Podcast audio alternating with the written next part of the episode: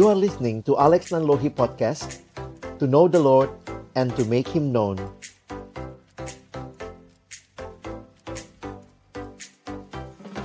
Mari kita berdoa sebelum kita membaca merenungkan firman-Nya. Tuhan biarlah ketika kami akan membuka firman-Mu, bukalah juga hati kami. Jadikanlah hati kami seperti tanah yang baik, supaya ketika benih firman Tuhan ditaburkan boleh sungguh-sungguh berakar, bertumbuh, dan juga berbuah nyata di dalam kehidupan kami. Berkati hambamu yang menyampaikan dan setiap kami yang mendengar, Tuhan tolong agar kami bukan hanya jadi pendengar-pendengar firman yang setia, tapi mampukan dengan kuasa pertolongan dari rohmu yang kudus, kami dimampukan menjadi pelaku-pelaku firman-Mu di dalam hidup kami, di dalam masa muda kami. Bersabdalah ya Tuhan kami anak-anakmu sedia mendengarnya, dalam satu nama yang kudus, nama yang berkuasa, nama Tuhan kami Yesus Kristus. Kami menyerahkan pemberitaan firman-Mu. Amin. Shalom teman-teman, selamat sore. Saya bersyukur kepada Tuhan untuk kesempatan ini boleh sharing dengan teman-teman sekalian. Dan uh, topik yang menjadi pergumulan sore hari ini, saya coba share screen ya. Saya menyiapkan uh, materi ini dari beberapa uh, kesempatan juga yang lain yang Tuhan berikan untuk melayani dalam kaitan ya penggunaan juga uh, mungkin kalau kita pakai istilah sekarang sosial media dan seterusnya ya dan ini bicara unlimited service. Nah, saya ingin mengajak kita memikirkan bersama. Jadi nanti ada kesempatan juga untuk tanya jawab. Saya dikasih kesempatan sekitar uh, 55 menit untuk pemaparan dan nanti ada uh, kesempatan tanya jawab. Nah, sekali lagi saya melihat ini bukan hal yang ya sekali dibahas selesai ya. Ini sebuah perjalanan yang bagi saya juga kita ada dalam dunia yang sedang bergerak dengan sangat cepat. Jadi kita harus juga bisa melihat baik tantangan maupun juga peluang yang ada. Dan kesempatan ini saya lihat juga sebenarnya kalau kita bicara pelayanan khususnya ya teman-teman bicara pelayanan online itu sebenarnya sebelum ini pun sudah banyak dibicarakan, sudah banyak dipikirkan, tetapi memang kondisi pandemi ini membuatnya kayak diakselerasi ya.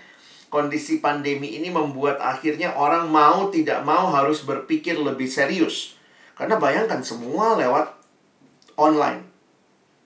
Hal-hal yang sangat basic ibadah, pendidikan, belum lagi masalah uh, pekerjaan juga beberapa pekerjaan yang bisa dilakukan dari dari work from home ya. Tentu kalau teman-teman yang uh, bicara profesi dokter mas sulit sulit ya. Tapi akhirnya kan membuat orang berpikir serius tentang bagaimana online ini. Nah jadi saya pikir kita harus mulai dengan uh, sebuah keyakinan. Jadi saya mau ajak kita berpikir pertama nanti saya akan share tentang conviction. Kita akan lihat dulu apa sih conviction yang harus kita miliki untuk melayani dalam situasi yang sulit sekalipun dan nanti kita masuk kepada beberapa survei data lalu nanti saya mau masuk kepada hal praktis. Saya tidak berjanji memberikan jawaban tuntas, tapi saya justru berpikir ini mulai membuat kita jadi berpikir lebih serius ya. Nah, tapi memang saya cukup mendalami bagian ini karena juga beberapa kesempatan pelayanan baik yang saya lakukan pribadi maupun juga yang diminta untuk boleh terlibat di dalamnya ya. Kita butuh keyakinan. Situasi sulit sering kali membuat kita jadi kurang tahu apa lagi yang harus dilakukan, bagaimana melakukannya, tapi saya pikir sebelum kita bicara tentang how, let us talk about uh, why-nya dulu ya sehingga saya berpikir kita mesti punya conviction. Nah, conviction yang saya renungkan sebenarnya ini juga saya gumulkan ketika pandemi mulai terjadi di Maret tahun lalu. Jadi tahun lalu bulan Maret itu ketika semua harus shutdown, lockdown, maka mulai berpikir bagi saya termasuk dalam pelayanan. Apa sih artinya melayani dalam situasi yang sulit? Lalu Tuhan ingatkan saya kepada bagian ini Surat 2 Timotius, Paulus tulis dari dalam penjara. Jadi kalau bicara lockdown, nah mirip nih ya. Dalam situasi yang sulit, ada di dalam penjara. Tapi menarik sekali, dari dalam penjara yang gelap, yang dingin itu, Paulus menuliskan surat kepada anak rohaninya Timotius. Dan perhatikan apa yang Paulus ingatkan. Jadi bukan hanya situasi Paulus di dalam penjara yang begitu kesepian tentunya, begitu terisolasi, tetapi kalau kalian pelajari latar belakang dua Timotius, ada dua ancaman yang dialami gereja mula-mula pada waktu itu, di mana Paulus menyuruh anak rohaninya Timotius melayani di sana. Yang pertama, ada tantangan dari luar. Ada orang-orang yang nggak suka sama kekristenan. Jadi mereka di aniaya. Mereka menderita dan itu kalau baca surat 2 Timotius, wow, itu kelihatan benar. Paulus bilang ikutlah menderita. Orang yang mau ikut Tuhan pasti menderita. Jadi kayak Paulus memberikan uh, realita yang harus dihadapi kalau memang mau tetap ikut Yesus. Jadi ada ancaman dari luar, penderitaan, dan dari dalam jemaat juga ada ancaman. Jadi tantangannya bukan cuma dari luar, tapi dari dalam jemaat muncul juga pengajar-pengajar sesat. Jadi muncul masalah ajaran di situ. Jadi gereja perdana, gereja mula-mula, gereja di abad pertama yang umurnya masih beberapa tahun ini sudah menghadapi dua tantangan sekaligus. Tantangan dari luar, penderitaan, penganiayaan, tantangan dari dalam ajaran sesat ditambah lagi pemimpin mereka Paulus ada dalam penjara. Jadi bayangkan jadi Timotius itu sebagai pemimpin jemaat gimana rasanya? Timotius yang masih muda, penuh dengan kekurangan, kelemahan, eh bapak rohaninya dalam penjara, eh jemaat yang dilayani banyak sekali pergumulan. Jadi saya coba menganalogikan seperti situasi Covid mungkin gitu ya. Walaupun pasti Paulus lebih sulit ya. Tetapi terisolasi dari mana-mana, kira-kira apa keyakinan kita? Apakah Paulus bilang, tim-tim tutup aja pelayanan, capek nih. Udah, kita close semua, udahlah kita di rumah aja ya. Stay calm ya. Tapi perhatikan, ini surat yang diyakini oleh para penafsir, surat yang terakhir. Yang ditulis Rasul Paulus sebelum akhirnya Paulus mati martir. Begitu saya baca surat ini, khususnya dua ayat ini, kelihatan dengan jelas di akhir hidupnya apa yang memenuhi pikiran Paulus. Di dalam situasi dia lagi di isolasi, kalau boleh pakai istilah-istilah kita sekarang. Dia lagi lockdown di dalam penjara. Apa yang memenuhi pikirannya? Berhenti melayani? Stop pelayanan? Bukan. Ini kalimatnya. Beritakanlah firman Siap sedialah baik atau tidak baik waktunya. Nyatakanlah apa yang salah. Tegurlah dan nasihatilah dengan segala kesabaran dan pengajaran. Paulus itu di akhir hidup kayak merasa ini ya. Ini belum selesai nih. Ayo terus beritakan firman. Kenapa saya pilih ayat yang kelima? Karena ayat yang kelima setelah ini juga menggemakan hal yang sama. Dia bicara kepada anak rohani Timotius, kuasailah dirimu, Timotius dalam segala hal. Sabarlah menderita. Makin sulit pelayanan, bukannya makin nggak melayani, tapi makin sabar menderita. Wah, itu unik ya. Ada anak-anak lapor sama saya, aduh kak, sekarang ini sulit banget untuk pemuridan, sulit banget kelompok kecil. Anaknya sudah janji nih kak, eh pada waktu hari haknya tiba-tiba batalin. PHP banyak ya anak-anak yang di pemuritan tuh di PHP-in gitu. Terus gimana ya Kak Alex ya? Saya bilang apa yang kamu lakukan? Ya udah saya juga sibuk Kak. Tapi gimana ya? Saya bilang Paulus ingatkan kita. Sabar. Kamu udah ngontak berapa kali? Saya udah ngontak tiga kali Kak. Nggak dibales. Jadi apa yang kamu lakukan? Ya saya berhenti kontak. Oh sabar. Kita ada di generasi instan ya, maunya kalau kita kontak dia langsung bales gitu ya. Dan itu yang kadang-kadang sulit. Jadi pengurus itu kan kayak di, dikacangin, dicengin, didiemin, nggak dibales WA-nya. Kadang-kadang nggak ada nasihat lain dari firman Tuhan. Makin sulit situasi, makin sabar. Paulus bilang sama Timotius, sabarlah menderita. Ini bukan satu dua tahun kamu alami kira-kira situasinya ya. Kamu akan mengalami terus karena kekristenan yang mau hidup benar di hadapan Allah itu akan mengalami penganiayaan. Itu kalimat Paulus di 2 Timotius pasal 3. Yang mau hidup benar itu mengalami pergumulan. Jadi, teman-teman coba lihat ya. Dalam situasi makin sulit, bukannya berhenti pelayanan, bukannya give up, bukannya berhenti sabar, makin sabar. Lakukanlah pekerjaan pemberita Injil dan tunaikanlah tugas pelayananmu. Saya kadang-kadang mikir apa Paulus gak sensitif. Timotius itu udah udah kalau boleh pakai istilah ya Timotius udah kejepit gitu ya. Udah kejepit, dia masih muda, jemaatnya ada yang ngajar sesat, dari luar juga dapat penderitaan. Eh, bapak rohaninya di penjara. Kalau saya jadi Timotius, aduh Paulus jangan ngomong deh kita close aja lah pelayanan ini. Sulit, ini situasinya sulit. Tapi Paulus malah bilang, Timotius, beritakan firman. Kuasai dirimu. Dalam segala hal. Sabarlah menderita. Kata menderita dalam bahasa aslinya dipakai istilah long suffering. Ya. Jadi uh, sabar menderita ini dipakai istilah long suffering. Jadi bukan cuma suffering but long ya.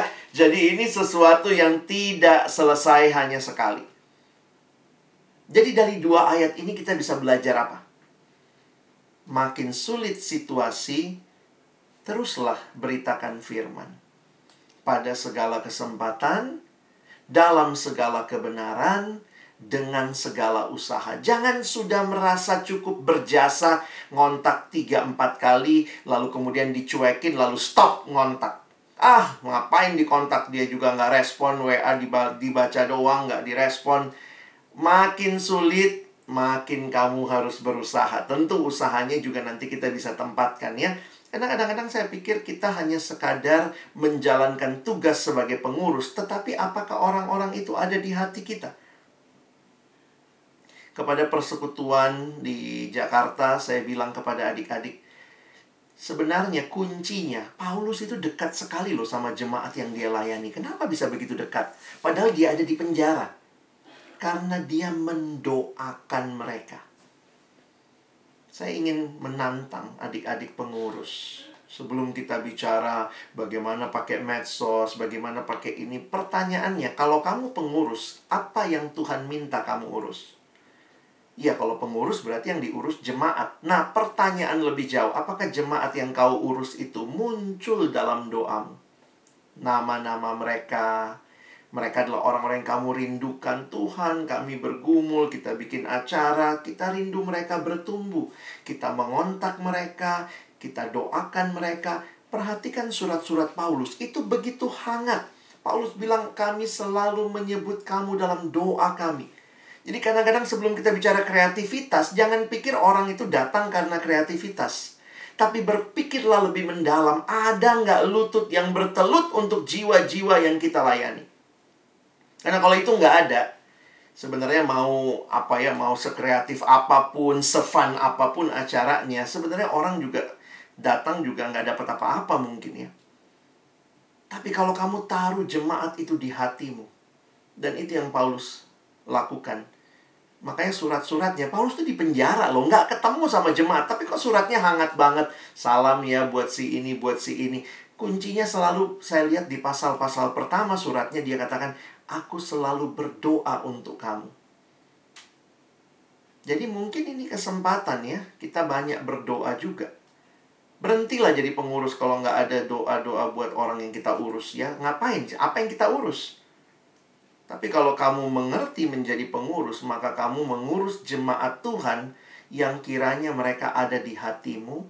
Kamu doakan, kamu gumulkan, belajar menggerakkan orang dengan doa, bukan sekadar dengan kreativitas. Kadang-kadang kita pikir orang tergerak kalau kita kreatif, persekutuan kita fun, banyak acaranya, asik, ada games gitu ya. Tapi kalau tidak ada doa, sebenarnya itu cuman pemanis belaka. Bahkan saya lihat ya, Paulus itu dari dalam penjara justru dari 13 surat yang Paulus tulis di perjanjian baru itu sepertiga perjanjian baru tuh suratnya Paulus ya karena singkat-singkat suratnya walaupun 13 surat tapi kalau kalian perhatikan itu sebagian besar suratnya dia tulis dari dalam penjara. Jangan berpikir seperti sekarang gampang tulis surat ya. Waktu itu kan tulis surat berarti mesti ada kertasnya. Kertasnya juga nggak ada produksi kertas dia mesti cari atau mungkin dia minta sama orang-orang minta uh, ini ya yang namanya uh, perkamen gitu ya dari kulit lalu dia tulis di situ. Jadi itu surat Efesus dari penjara, surat Kolose dari penjara, surat Filipi dari penjara, surat Filemon dari penjara. Dari dari dalam penjara tuh hatinya ada untuk jemaat. Terus dia rindu melayani mereka, dia doakan mereka, dia surati mereka, dia ingatkan hal-hal penting. Kemarin ada pengurus nanya sama Kak Alex, gimana kak, kita nggak pernah ketemu anaknya, gimana kita mau PDKT sama mereka? Sama, Paulus tuh nggak pernah ketemu Roma. Ketika Paulus tulis kitab Roma, Paulus belum pernah mengunjungi jemaat Roma. Ketika nulis kitab Kolose, Paulus belum pernah nulis, eh, belum pernah mengunjungi kota Kolose. Tapi kenapa dia tulis surat itu? Dia rindu orang Roma kenal Tuhan, dia rindu orang Kolose kenal Tuhan, sehingga boleh pakai istilah sekarang tebal muka aja deh, muka badak, pokoknya tulis surat lah, kenalan dong. Jadi kalau kita karena nggak kenal, anak barunya nggak pernah ketemu, nggak pernah masuk kampus, kita nggak pernah ketemu langsung, rasanya kayaknya kurang nyaman. Betul, itu juga pasti Paulus alami. Tetapi ada hal yang lebih mendalam. Dia rindu orang-orang ini dengar firman. Sehingga dia berjuang mengatasi rasa malunya mungkin. Dia berjuang melampaui, ya belum kenal. Ayo cari kenal, kan begitu ya logikanya ya. Jadi akhirnya saya melihat dengan jelas Paulus mengatakan di 2 Timotius. Kalimat ini bagi saya selalu terngiang. Karena pemberitaan Injil inilah aku menderita, malah dibelenggu seperti seorang penjahat. Tetapi firman Allah tidak terbelenggu. Para penafsir mengatakan kenapa Paulus bicara belenggu? Karena nampaknya waktu Paulus menulis surat ini, dia benar-benar dibelenggu. Jadi Paulus bukan hanya dalam penjara, tetapi istilah chain, belenggu, rantai, nampaknya Paulus dirantai. Jadi itu yang dia gambarkan. Karena itu sebuah kalimat menyimpulkan hal ini bagi saya sangat luar biasa. Firman Allah tidak akan pernah terbelenggu oleh para penentangnya. Kecuali oleh pemberitanya. Yang bisa menutup, membelenggu firman Allah bukan penentang-penentangnya. Tetapi pemberitanya. Kalau pemberitanya udah tutup mulut ya itu terbelenggu ya. Jadi jangan bilang, iya habis ada penderitaan sih. Lihat, Paulus dalam penderitaan tetap bisa bicara. God's word can never be chained by its opponent, only by its messengers. Jadi akhirnya dari keyakinan ini bergeraklah waktu saya memikirkan pelayanan online sebenarnya sikap saya harus sama. Mau online, mau offline itu kan Tuhan izinkan ini terjadi. Jangan ya, kadang-kadang ada orang yang mengutuki terus. Aduh nggak enak online, aduh nggak enak online Terus mau offline, offline juga masih susah. Jadi ketimbang menyesali mengutuki online, ya ayo pikirkan peluang apa. Paulus dalam situasi sulit aja nulis surat. Kalex mikir ya kalau Paulus hidup sekarang ya, mungkin tiap hari dia bikin WA story ya. Tiap hari dia bikin IG IG story, dia tulis semua kerinduannya karena bayangkan dari dalam penjara aja dia tulis surat padahal surat waktu zaman itu kan nggak gampang cari tintanya, cari apanya gitu ya. Jadi bagi saya kalau kita jadi pengurus lalu gara-gara online kita juga males ya, kita juga mulai ini ya, kita jadi nggak menghayati. Nah, jadi saya makin melihat penting keyakinan. Sebelum kita bicara hal kreatif, hal unik, bagaimana pakai ini, pakai itu, itu semua bisa dipelajarin. Tapi pertanyaan utamanya, adakah hati yang memang melihat Injil harus diberitakan. Ini berita yang penting. Karena itu saya jadi pengurus. Saya mengurusi jemaat Tuhan. Kalau saya nggak bisa ketemu, saya bisa berdoa. Saya doakan mereka. Saya pun usahakan segala hal untuk mereka. Dan ini era digital sebenarnya di mana kita itu begitu gampang sebenarnya terkoneksi. Pada waktu itu kalau Paulus tulis surat, balasannya kapan? Suratnya aja kan nggak ada tiki JNE ya. Surat itu Paulus tulis, terus dibawa sama orang. Orang itu bawa anggaplah sebulan mungkin sampai di tempat tujuan. Habis itu sebulan di sana baca, si tanah kirim lagi. Mungkin Paulus baru dapat balasannya tiga bulan kemudian. Kita ada dalam era digital yang sebenarnya kalau kita niat langsung ngebalas juga real time dibalas langsung yang sana tahu kabarnya. Jadi memang waktu saya memperhatikan kita harusnya tidak mengeluh. Era digital ini banyak kemudahan, ya. Nah, sekarang kita coba lihat. Nah, ini saya mau masuk ke data-data. Ya, ini katanya manusia mengalami evolusi ya. Menjadi manusia yang uh, teknologi begitu.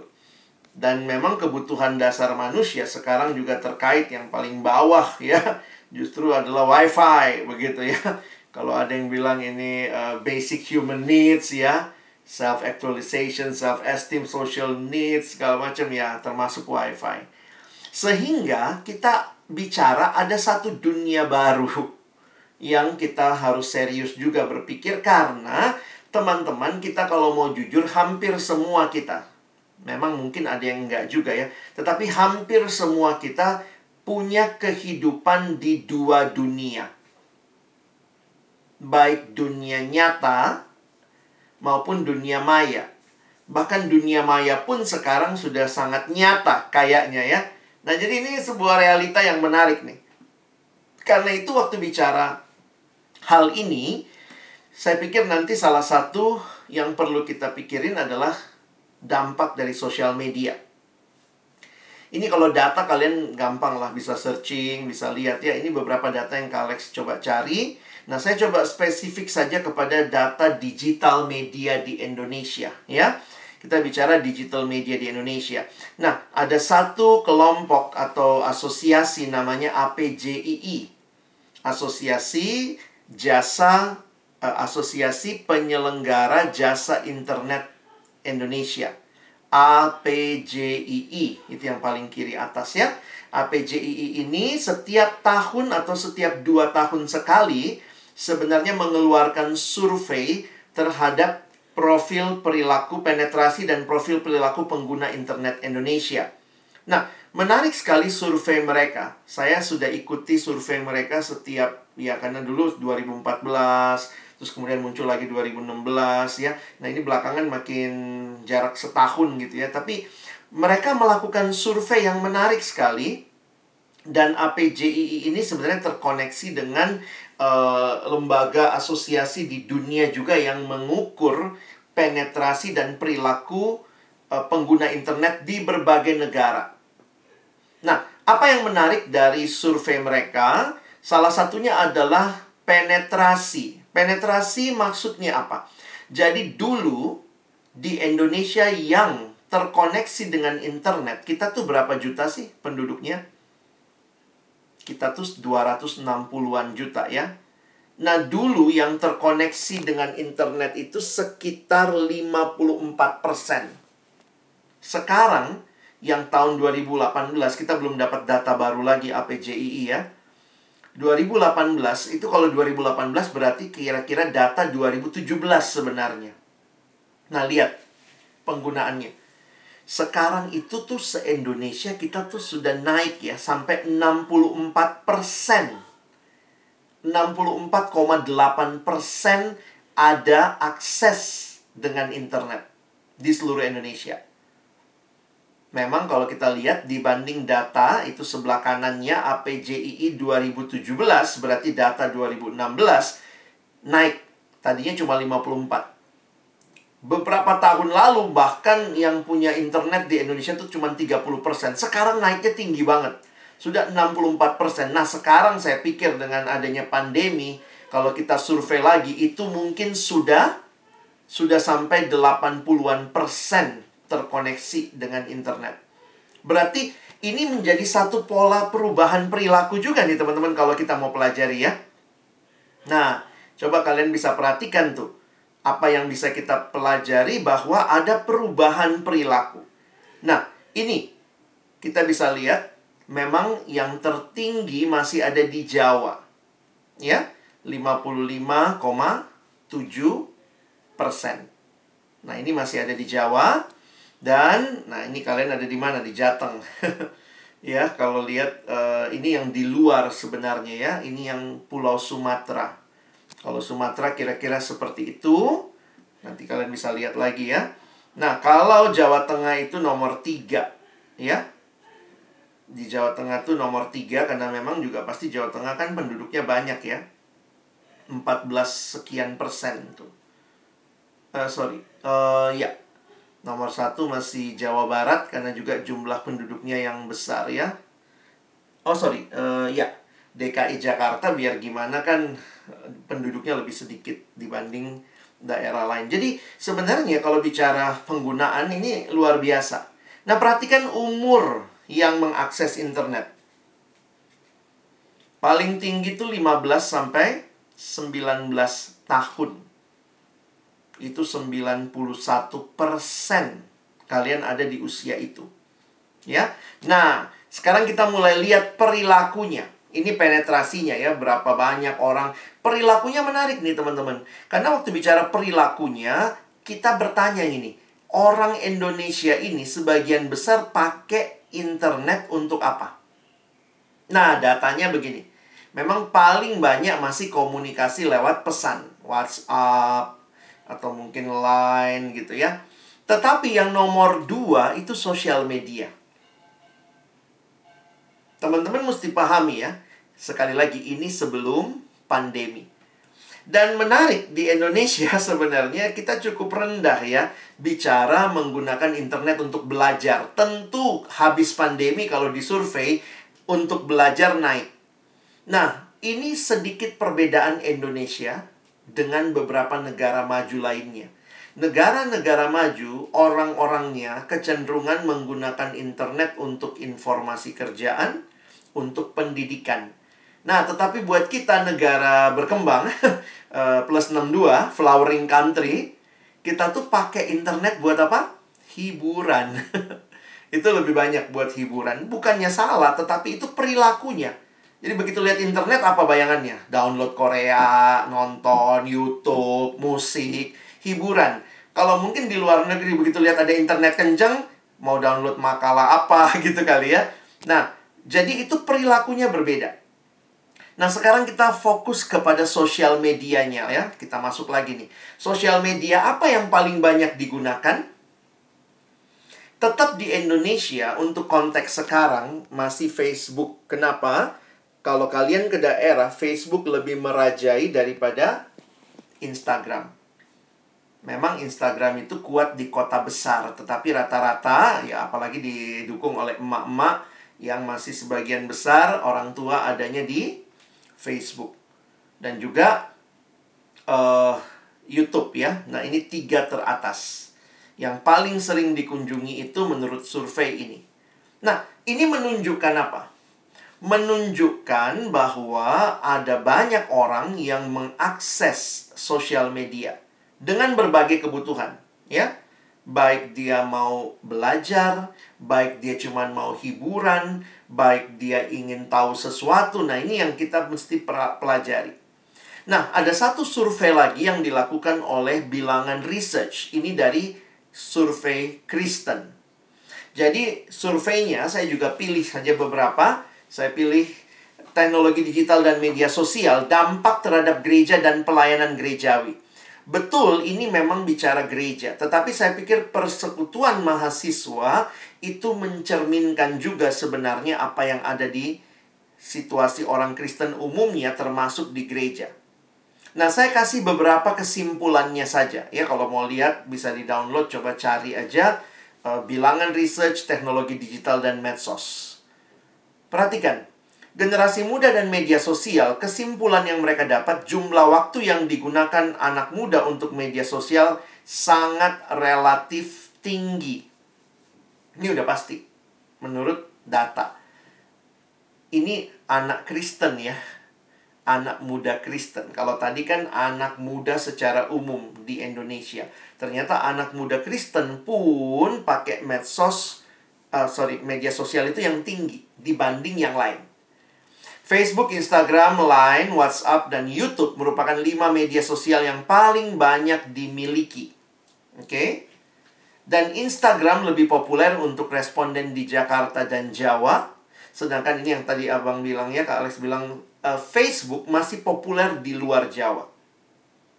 Karena itu mereka ambil beberapa kesimpulan ataupun saran untuk gereja. Ya, Kesimpulan yang pertama, ada yang nanya, bagaimana hubungannya dia pakai medsos sama kerohaniannya dia? Ada pengaruh nggak untuk spiritualitasnya? Maka kesimpulannya menarik. Aktif tidaknya dalam menggunakan internet tidak mempengaruhi kedalaman spiritualitas generasi muda. Waduh, kalau begitu tutup aja. Ngapain juga P persekutuan PMK punya medsos ya? Karena nggak menggu tidak mempengaruhi kedalaman spiritualitas. Ah, tapi lihat yang keduanya. Lalu yang mempengaruhi apa? Yang mempengaruhi kedalaman spiritualitas adalah tujuan penggunaan dan jenis konten yang diakses. Jadi bukan seberapa sering dia bermedsos. Karena sekali lagi kalau dia bermedsos tapi yang dia lihat cuma sekedar uh, gambar-gambar, yang dia lihat pemandangan, yang dia dengar cuma musik ya nggak akan mempengaruhi kerohaniannya. Walaupun dia sering sekali di situ. Jadi dikatakan yang mempengaruhi kedalaman spiritualitas adalah tujuan. Dia tahu nih, saya pingin belajar nih apa sih tentang alat Tritunggal misalnya.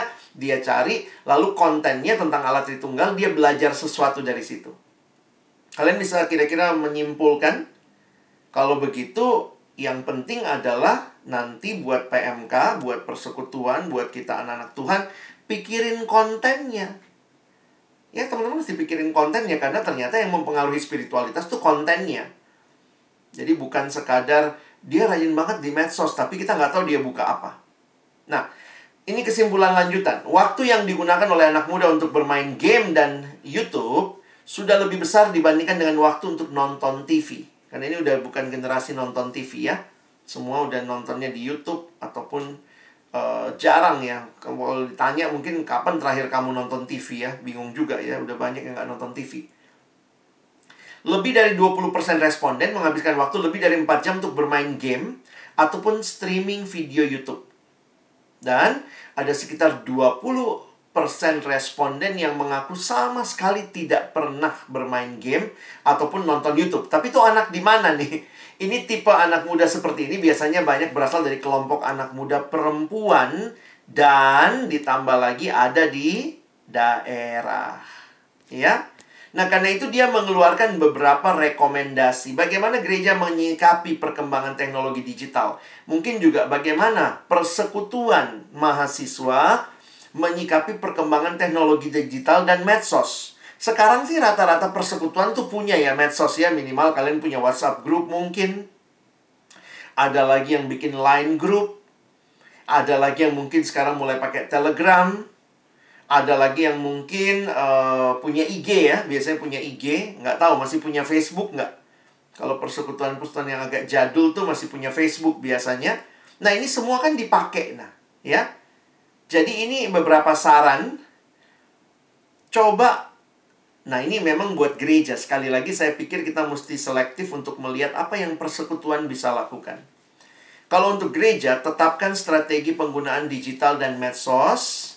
Nah, ini kayak begini nih. Medsos persekutuan PMK ya. Untuk apa?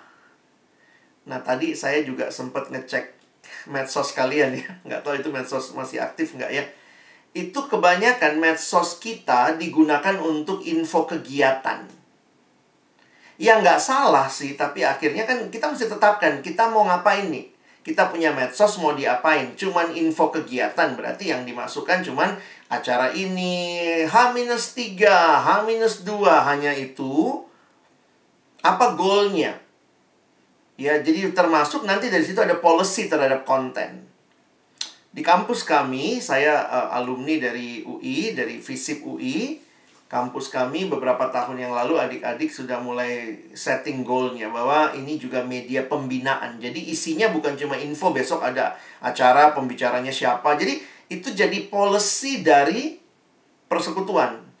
Dan termasuk ada orang-orang memang belum ada seksi digital ya, itu masih terlalu inilah.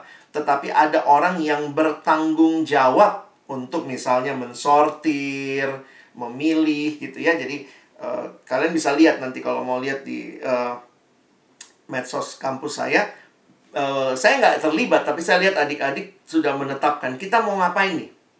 Ini bukan cuma sarana publikasi acara begitu. Jadi mereka menggunakannya untuk tujuan yang lebih jauh. Nah, perlu policy. Kalau udah ada polisinya perlu siapa yang nggak ngurus gitu ya jadi jangan media nganggur karena apa ya kita tuh punya kesempatan rata-rata persekutuan punya medsos tapi juga nggak jelas buat apa medsosnya. Kita punya WA group, tapi di dalamnya cuma apa isinya selamat pagi, selamat pagi gitu ya. Nggak jelas gitu. Kita mesti jelas nih apa tujuannya, siapa yang memposting, kapan diposting, apa yang diposting. Itu mesti sebaiknya kita pikirkan. Lalu, nah ini kalau di gereja sudah diusulkan oleh bilangan research, mestinya ada yang bertanggung jawab silahkan mau masukkan struktur mau apa kalau di persatuan mahasiswa beberapa mereka masih bentuknya tim Kenapa?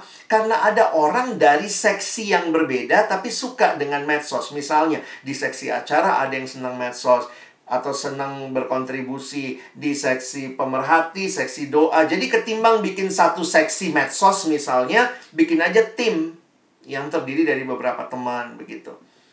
Lalu Nah ini kalau gereja, karena gereja tuh selama ini kan kayak miliknya orang tua ya. Anak muda di gereja kayak penonton, tamu. Maka dikatakan untuk teknologi digital justru anak muda yang harus duduk. Karena mereka yang lebih tanggap dengan teknologi.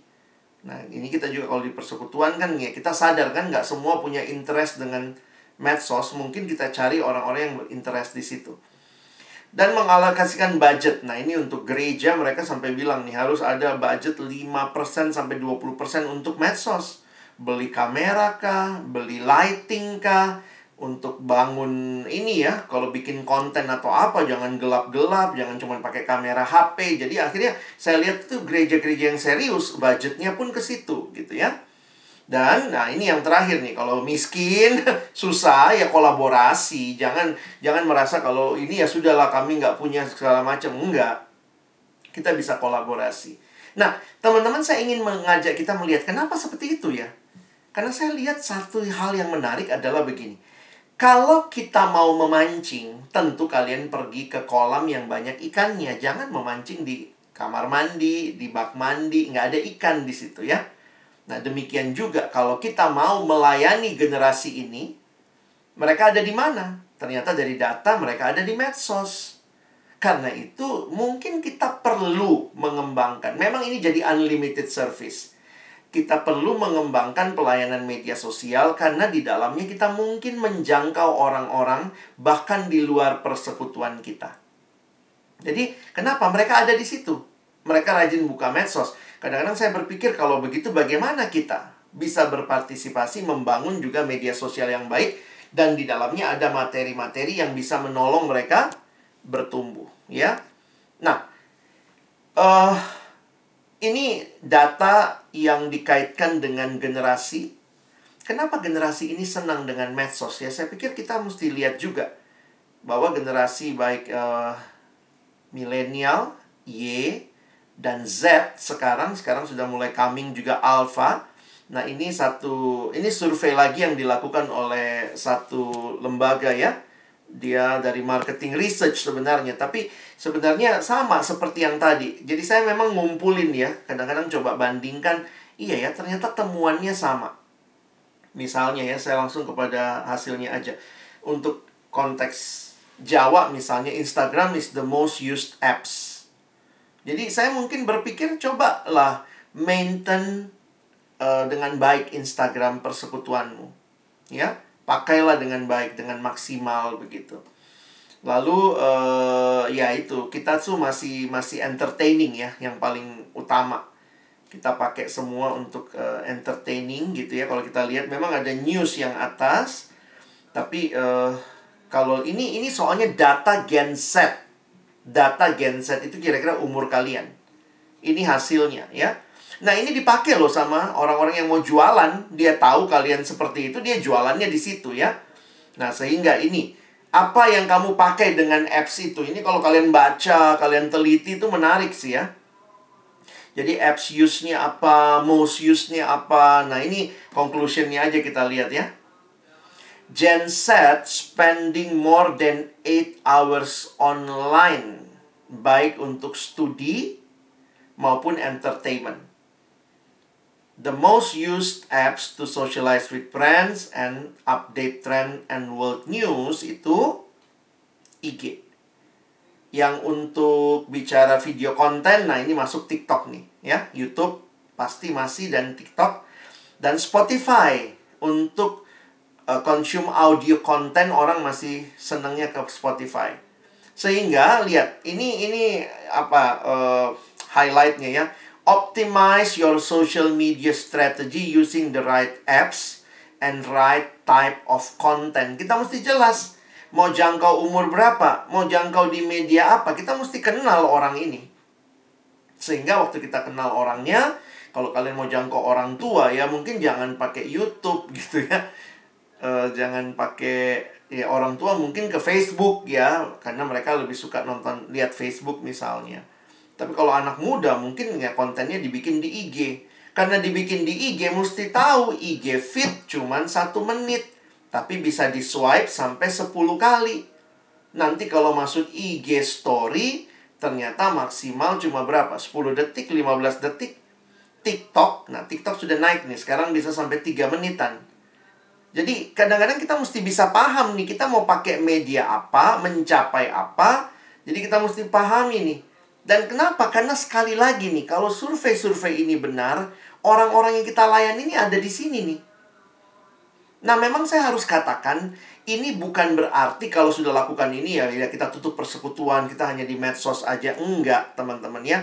Tetapi mau memberikan gambaran bahwa your service, your ministry bisa unlimited di luar ini juga. Dan termasuk saya berpikir begini, ini juga perenungan beberapa waktu yang lalu, masih ingat garam dan terang ya. Tuhan Yesus tuh ngomongnya menarik loh. Bukan kamu adalah garam, bukan. Kalimatnya adalah kamu adalah garam dunia. Jadi Tuhan kasih konteks di mana engkau hadir sebagai garam. Jadi bukan cuma kamu adalah garam. Kamu adalah terang. Tidak. Kalimatnya kamu adalah garam dunia. Kamu adalah terang dunia. Jadi kita diminta berfungsi di mana? Di dunia. Nah, saya lagi berpikir dengan konteks sekarang kita ada dua dunia ya dunia nyata, kita harus jadi berkat di dunia nyata. Kita harus jadi garam di dunia nyata, kita harus jadi terang di dunia nyata. Tapi juga saya pikir kita ada di dunia maya. Nah, saya dalam pergumulan pribadi ya, karena saya juga melihat ini panggilan pribadi, ya Tuhan panggil saya juga untuk menjadi terang, menjadi garam di dunia maya. Kenapa Kak Alex serius ya? Saya pribadi cukup serius dengan pelayanan online, uh, media sosial khususnya ya. Karena saya lihat teman-teman begini ya. Pernah satu waktu saya dengar satu hari itu, kamu bisa bayangkan, satu hari itu bertambah situs porno. Itu sampai 1000-2000 situs. Sehari loh. Sehari bertambah situs porno segitu banyak di dunia. Sementara, apa pilihan situs Kristen? situs gereja, website gereja paling isinya update warta. Nggak menarik juga gitu. Jadi memang unik ya. Kadang-kadang kita bergumul, uh, tapi kita salahkan generasi ini, dia nonton yang nggak bener. Tapi juga saya juga kadang nggak bisa salahkan. Dia mau nonton yang bener juga nggak ada yang produksi yang bener gitu. Jangan-jangan juga nggak ada yang serius mikirin itu.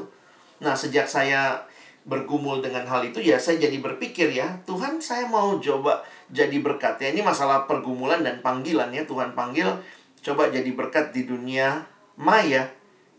Kalau orang bisa dengar lagu sangat terhibur kenapa tidak dengar khotbah dan juga dikuatkan?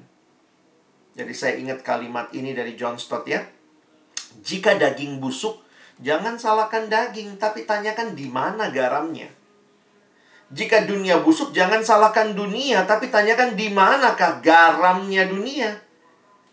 Jika rumah gelap, jangan salahkan rumah, tapi tanyakan di manakah lampunya. Jika dunia gelap, jangan salahkan dunia, tapi tanyakan di manakah terang dunia. Ya kita garamnya, kita terangnya. Nah, termasuk teman-teman di sini membuat saya sadar kalau saya punya media sosial. Dan ingat, ketika media sosial, walaupun itu lapak pribadimu, tetapi ketika kamu lempar sesuatu ke publik, itu jadi sosial.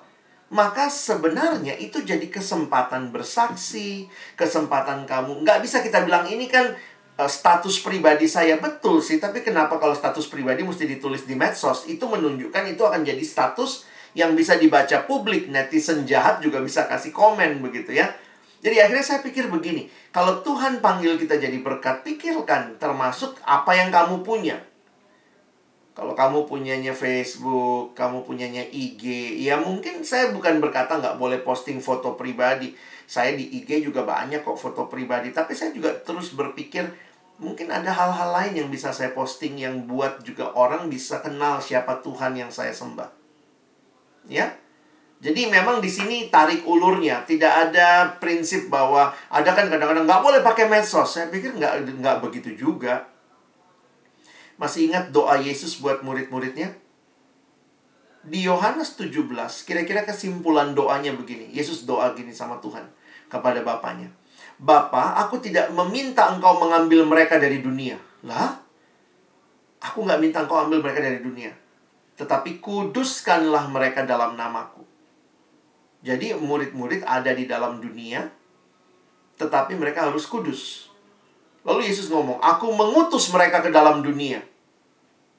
Jadi akhirnya saya menyimpulkan, ini inti doa Yesus untuk murid-muridnya ya. Bahwa Tuhan mau kita ada di dalam dunia, kita ada di dalam dunia, tapi bukan bagian dari dunia. Berarti bukan ikut nilai-nilai dunia, tapi kehadiran kita menjadi garam dan terang. Ya, sehingga ingat ini beberapa prinsip yang saya coba pakai ya. Untuk tahu. Masih ingat ayat ini? 1 Korintus 10 31. Paulus jawab ya, walaupun ini konteksnya daging persembahan berhala, tapi bagi Kak Alex ini jadi prinsip yang umum. Dia katakan, aku menjawab jika engkau makan, atau jika engkau minum, atau jika engkau melakukan sesuatu yang lain. Bayangkan ya, ini kalau kata anak Jakarta receh banget nih. Makan, minum. Itu untuk kemuliaan Allah. Maka masa bermedsos jadi untuk kesenangan diri? Saya terus berpikir gitu ya. Kalau kalau bukan berarti nggak boleh senang, tapi poinnya adalah jangan kita senang, tapi itu mendukakan Allah. Makan aja untuk kemuliaan Tuhan, minum aja untuk kemuliaan Tuhan. Masa medsos tiba-tiba jadi untuk kesenangan pribadi semata? Lakukanlah itu pun untuk kemuliaan Allah. Lalu di ayat 23, 1 Korintus 10 ayat 23, Paulus berkata, segala sesuatu diperbolehkan, benar. Tapi bukan segala sesuatu berguna. Segala sesuatu diperbolehkan, benar. Tapi bukan segala sesuatu membangun. Jadi kalau kalian perhatikan, ini tiga prinsip kalau kita tarik dari ayat tadi ya. Nah, ini saya pikir bukan hanya buat medsos, buat yang lain-lain juga dalam hidup. Pertama selalu tanya, apakah itu memuliakan Allah? Yang kedua, itu berguna nggak? Yang ketiga, itu membangun nggak? Nah, itu kira-kira jadi patokan kita untuk melakukan sesuatu. Karena sebenarnya sama seperti, ya, sama seperti senjata ya. Ya, kalianlah dokter lah. Pisau bedah di tangan dokter bedah, ya itu jadi hal yang berguna tapi kalau pisau bedah di tangan anak kecil, main pedang-pedangan sama temennya, dia bedah temannya gitu ya. Ya itu, jadi akhirnya poin saya adalah bukan nggak boleh ada pisau bedah dalam dunia. Karena begitu buang semua pisau bedah dari dunia. Enggak. Pertanyaannya siapa yang pakai? Dia pakai itu bergunakah? Membangunkah? Karena itu memang harus ada tanggung jawab ya dari yang menggunakan. Termasuk bagi saya medsos. Maka orang bisa bilang, wah mulutmu harimaumu. Yang ada di mulutmu kau tulis di medsos.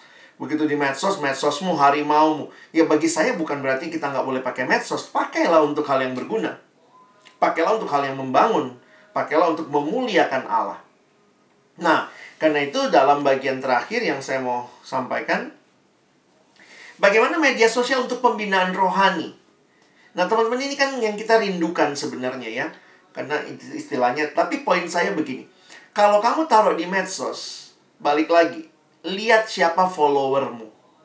Kalau sebagian besar followernya adalah orang-orang yang ada di kampusmu, teman-teman persekutuan, maka sebenarnya kan bisa cukup spesifik tuh tujuan medsosmu adalah mendukung pembinaan persekutuan. Misalnya, apa yang dikhotbahkan hari ini Mungkin besok ada ringkasannya di medsos. Jadi yang nggak ikut bisa tuh berapa kali swipe.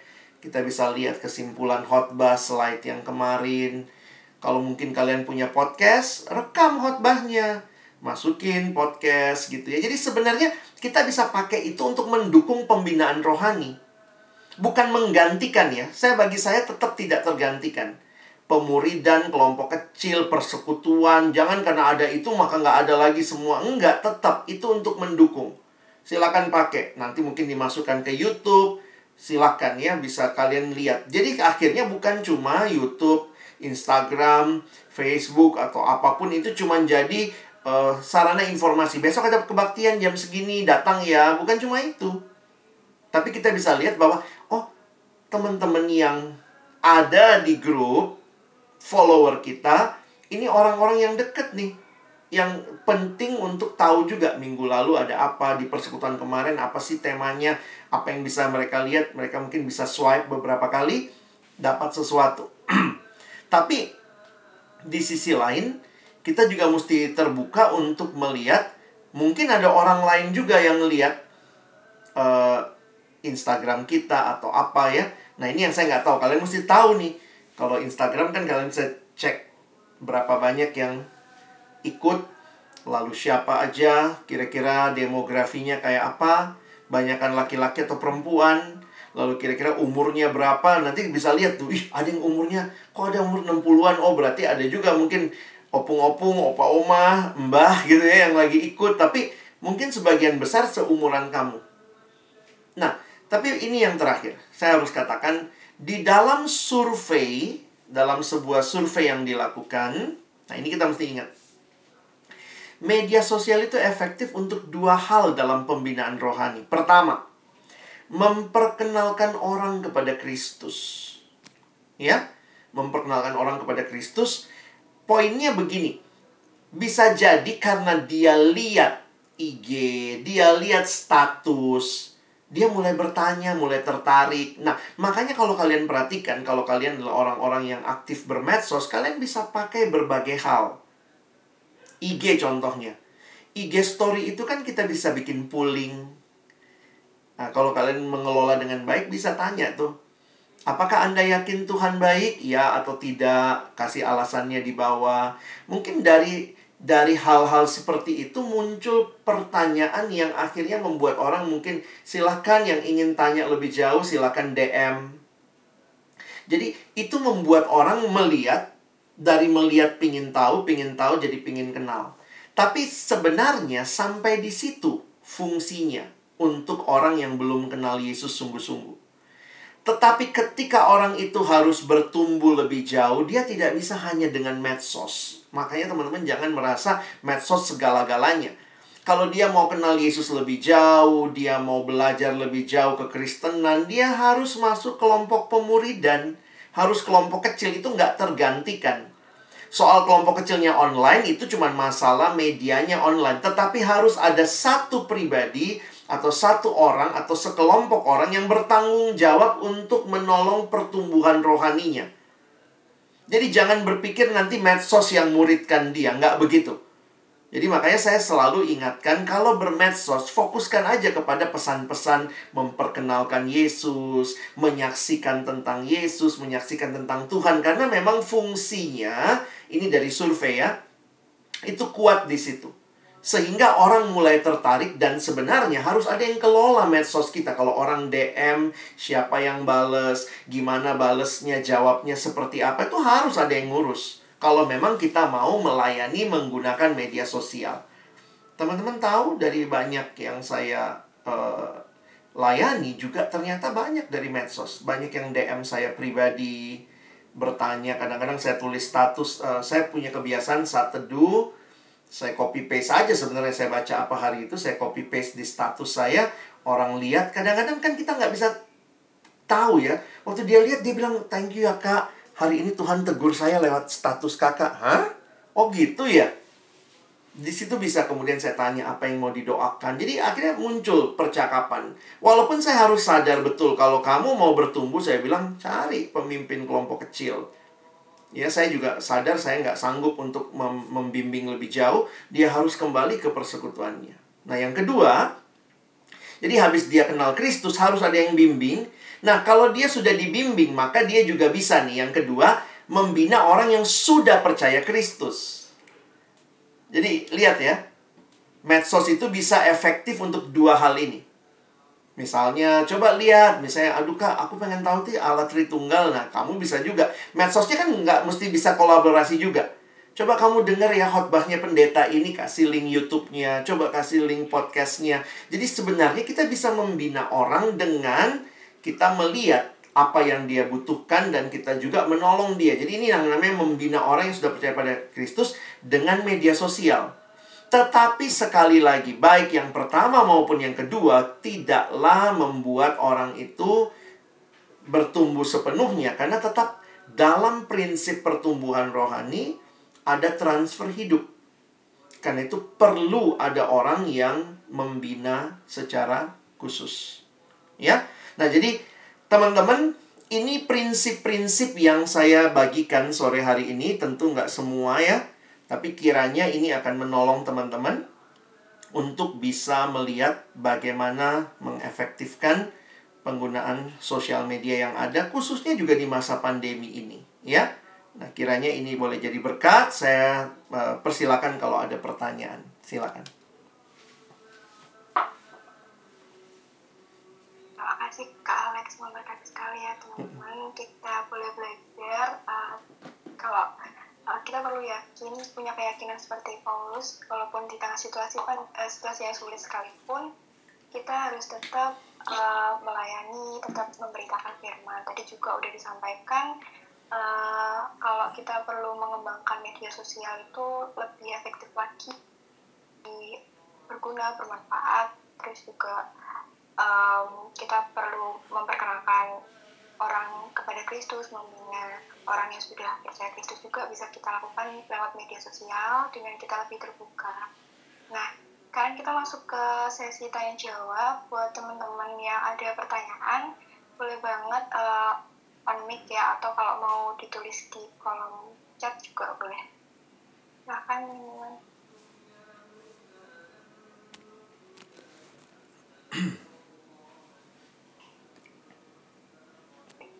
uh, aku dulu ya. Iya, Kak. silakan.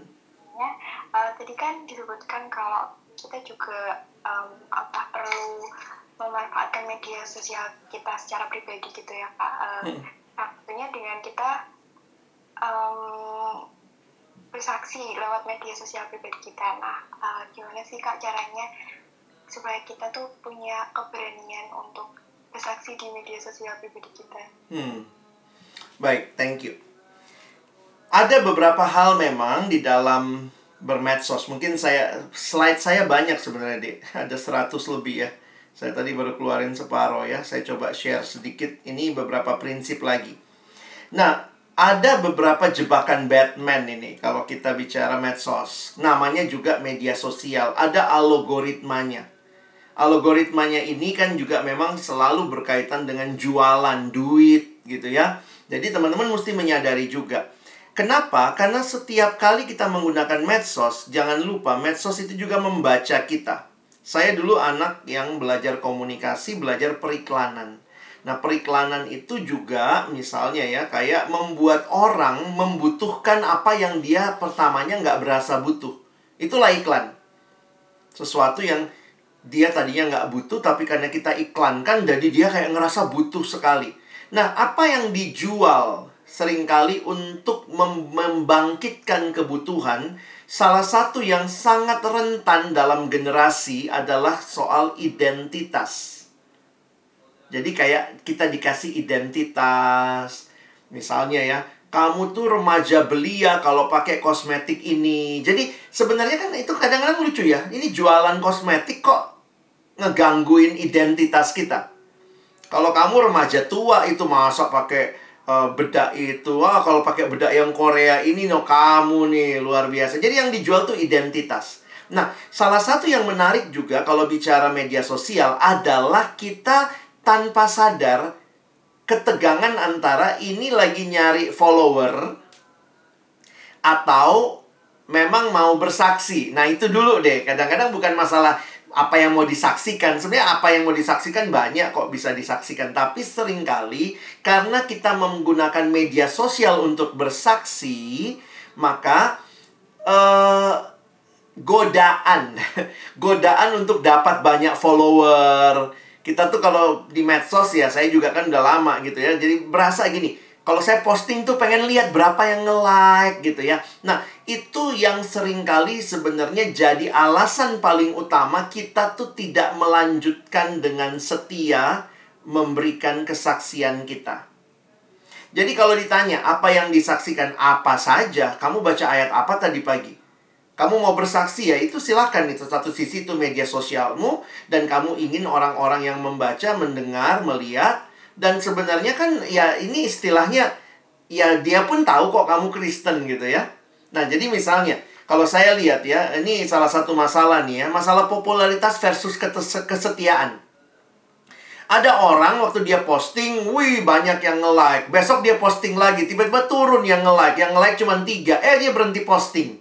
Nah ini yang kadang-kadang saya pikir, posting aja tetap setia gitu ya.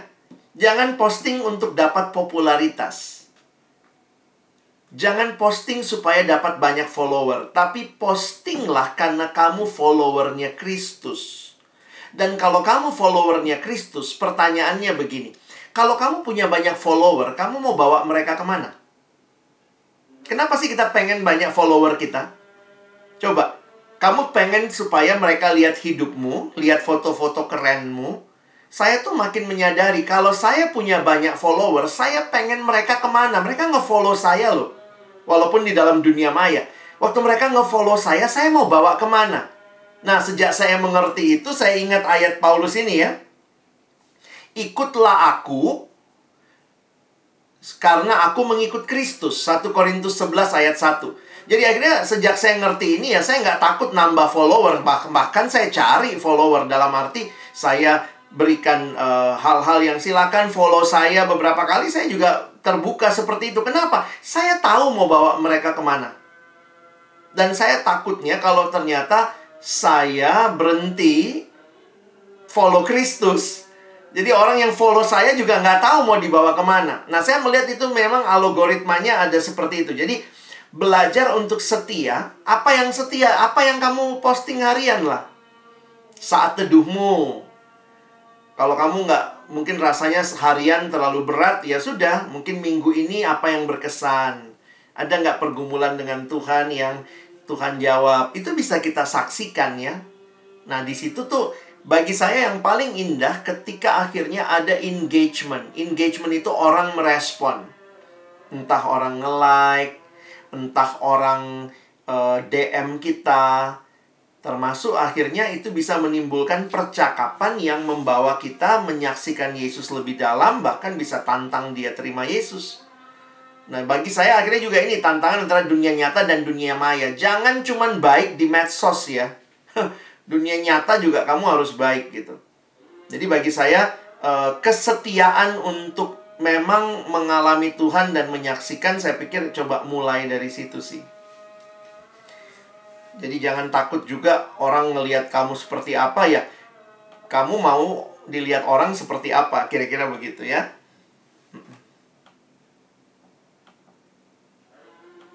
Oke, terima kasih Kak. Mm -hmm. uh, karena ada beberapa pertanyaan nih Kak dari kolom chat. Mm -hmm. uh, aku bacain yang pertama ini dari Beatrice uh, mengenai tadi yang di awal mengenai keyakinan untuk meletakkan jemaat yang dilayani di hmm. hati kita adakah tips and trick dari Kak Alex untuk memulai mendoakan dan mengesampingkan ego kita yang mungkin harga dirinya terlanjur tersakiti karena pengalaman-pengalaman sebelumnya Ya, memang sih ya, kita tuh manusia egois ya, yang mau, yang Tuhan panggil melayani manusia egois lainnya. Jadi memang kita harus mengalami pemulihan dalam Tuhan ya. Karena kamu pun akan mengalami orang yang sama egoisnya, bahkan lebih egois mungkin dari kamu. Orang yang nggak tahu terima kasih, orang yang mungkin juga waktu dikontak juga ngerasanya males-males gitu ya. Jadi kalau saya sih melihat uh, alamilah pemulihan dalam Tuhan supaya kamu pun bisa mengasihi orang lain dan itu memang sebuah proses. Jadi ya jangan jangan berhenti ya, jangan berhenti untuk melayani karena saya pikir Tuhan pun sudah terlebih dahulu melayani kita. Ya itu hal rohani sebenarnya ya. Itu bukan hal yang kalau dunia kan bilang lu dicuekin ya tinggalin. Kalau kita makin dicuekin makin kita doain. Bahkan Tuhan Yesus bilang apa? Kasihilah musuhmu. Ini kan yang nolak kita, adik-adik kita yang kita kontak mungkin nggak respon kan bukan musuh. Cuman nggak respon doang gitu. Nah, kalau yang nggak respon aja kita tinggalin, gimana kalau ada musuh gitu ya? Padahal Tuhan minta musuh pun harus dikasihi dan berdoalah untuk mereka yang menganiaya kamu. Saya pikir kekristenan kita dalam situasi sulit itu makin teruji. Itu mungkin yang saya bisa respon ya. Terima kasih Kak Alex. Uh, ini ada satu pertanyaan lagi Kak dari kolom chat. Dari Erik, uh, Kak, cara seperti apa yang dapat dilakukan pada masa ini supaya teman-teman yang lain rindu dan mau menyediakan waktu buat bertumbuh dalam persekutuan? Karena bila dibandingkan dengan sebelum pandemi, jauh lebih sedikit MKFK yang bergabung dalam persekutuan, Kak. Terima kasih. -hmm. Wah, ini teman-teman pertanyaannya bagus sekali dan uh, ya saya sadar betul ya ini ini sebuah pergumulan. Saya coba kasih gambaran sedikit ya, ada juga beberapa hal yang saya gumulkan teman-teman. Saya melihatnya begini. Kita memang sering kali fokus kepada persekutuan. Tidak salah. Tapi saya melihat, makin melihat pentingnya juga fokus kepada pemuridan lebih kuat lagi. Ketimbang hanya persekutuan. Kenapa? Jadi kalau ditanya apa kuncinya nih untuk dalam situasi seperti ini? Coba lihat slide saya bentar ya. Kalau teman-teman perhatikan, dalam situasi sulit seperti ini, apa yang kita kembangkan? Biasanya yang kita fokuskan tuh yang paling atas. Ibadah tetap jalan, MC-nya ada, pemusiknya ada, ngundang pembicara. Nah, bagi saya, dalam situasi sulit tetap mesti ada pelayanan pemuridan kelompok di bawahnya dan bahkan juga pelayanan pribadi yang lebih di bawahnya lagi. Jadi kalau ditanya gimana mendatangkan orang? Saya pikir gini, orang akan datang kalau ada relasi pribadi. Saya pikir itu jauh lebih kuat. Makanya bukan berarti kita nggak boleh berjuang untuk persekutuan ya. Kadang-kadang ada yang gitu. Persekutuannya kita bikin fun aja. Ada ada apa?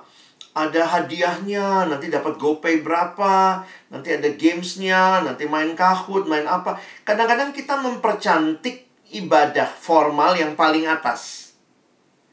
Tapi sebenarnya kekuatan persekutuan kita tuh adanya di kelompok kecil dan pelayanan pribadi.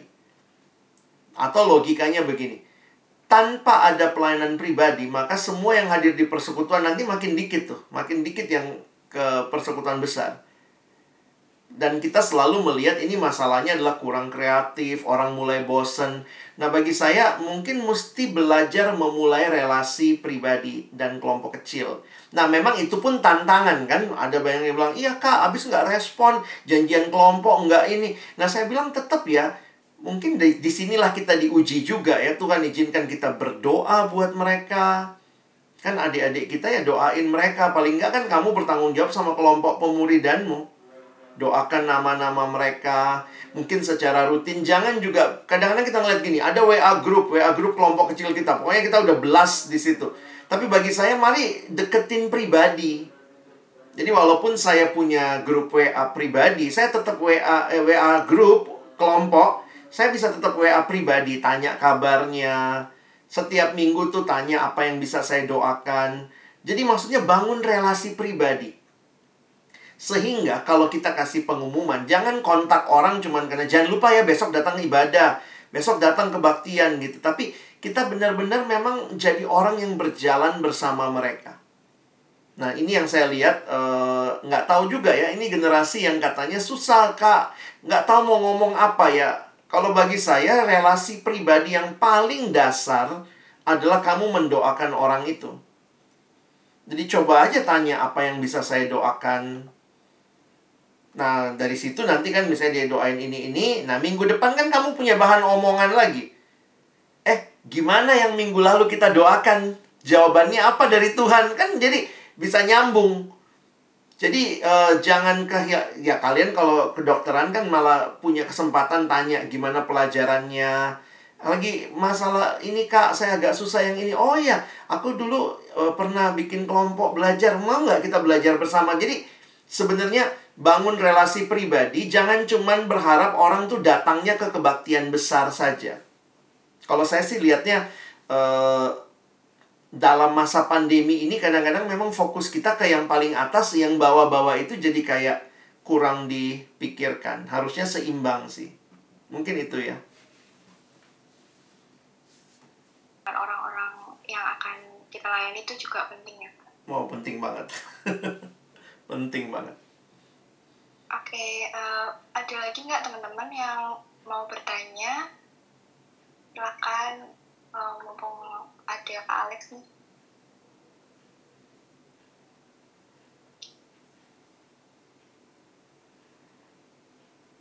Oke, sepertinya belum ada lagi Kak. Um, mungkin bisa kita tutup dalam doa. Mohon okay. Kak Alex menutup dalam doa. Baik. Sebelum berdoa, saya ingatkan aja, tolong teman-teman yang punya medsos juga belajar juga ya. Mungkin dari sesi sore ini kalian udah bisa setting tujuan. Kayaknya saya dapat sesuatu nih untuk medsos saya.